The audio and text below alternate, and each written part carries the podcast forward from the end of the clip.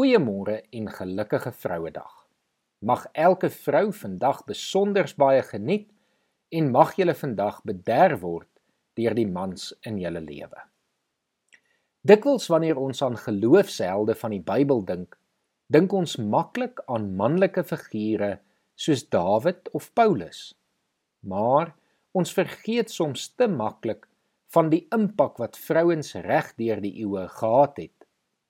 Dink maar aan Rut wat deur haar toewyding en lojaliteit die ouma van Dawid geword het. Dink aan Ragab wat die verspieder se lewens gered het en so deel geword het van die volk van Israel en uiteindelik ook Jesus se voorgeslag. Debora wat as regter die Israeliete gered het. Dink maar aan Ester wat as koningin die Joodse volk uit die mag van Haman gered het. Dink aan 'n klompie vroue wat Jesus gevolg het, hom en sy disippels versorg het, wat lojaal Jesus tot by die kruis gevolg het. Dink aan die twee Marias wat die eerste mense was om te gaan vertel dat Jesus uit die dood opgestaan het. Die eerste predikers van die goeie nuus. Dink aan die geloof van Timoteus se ma, Louise en sy ouma Eunice. Dink aan Lydia, wat een van die eerste bekeerlinge in Macedonië was. Dink aan die hoeveelheid vroue dienskommissies wat deur hulle diensbaarheid kerke help bou het, wat deur die eeue mense versorg het. Dink vandag aan elke ma wat getrou in die aande vir hulle kinders Bybel lees en hulle leer bid wat gesorg het dat hulle geloof oorgedra word na die volgende geslag. Elke vrou wat hulle kinders deur skool gebid het, wat hulle mans ondersteun en gehelp het. As dit nie vir ons vrouens was nie, was ons beslis as gelowiges en veral die kerk vandag nie waar ons nou is nie. Ons kan maar net vandag vir alle vroue dankie sê hulle vandag spesiaal dank vir die voorbeeld wat ons as mans van hulle ontvang. Ek lees vanoggend graag vir ons Spreuke 31 voor vanaf vers 10.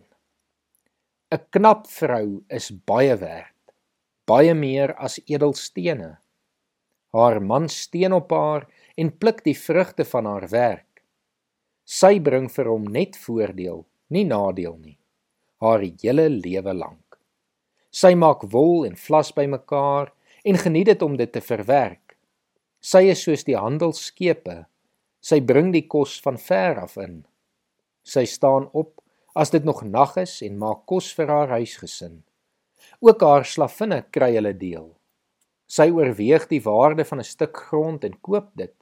Sy sit dit onder wingerd met geld wat sy self verdien het.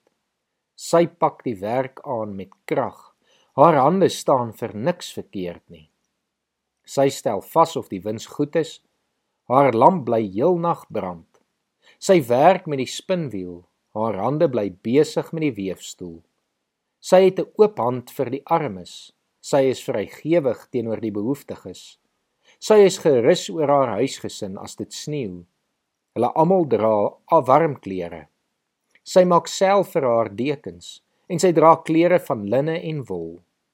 Haar man is wel bekend by die stadspoort waar hy saam met die leiers beraadslaag. Sy maak klere en verkoop dit. Sy lewer gordels aan die handelaars.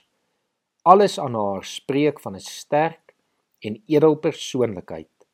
Sy ken geen kommer oor die toekoms nie. As sy praat, is dit met wysheid. As sy leiding gee, is dit met liefde. Sy hou goeie toesig oor haar huishouding. Ly is sy nie. Haar kinders prys haar, haar man bewonder haar. Daar is baie knap vrouens, maar jy oortref hulle almal. Uiterlike skoonheid hou nie. 'n Mooi voorkoms is nie alles nie. As sy die Here dien, dan verdien 'n vrou om geprys te word. Gee haar wat haar toekom vir alles wat sy doen Laat haar werk haar roem wees in die stadspoorte. Kom ons bid saam. Here, ons wil graag vanoggend elke vrou aan U kom opdra, Here. Ons kom dank U vir wat vrouens alles in ons lewens beteken, Here. Vir wat hulle alles doen, hulle diensbaarheid, hulle getrouheid en die voorbeeld wat hulle is in hulle verhouding met U. Here, dankie vir maas wat versorg en omgee en vertroos, Here. Here, mag U vandag by elke vrou wees. Mag hulle weet dat U vir hulle geskep het met 'n doel en mag hulle hulle vreugde ook vind, Here, in hulle verhouding met U. Ons dankie vir vrouens in Jesus se naam. Amen.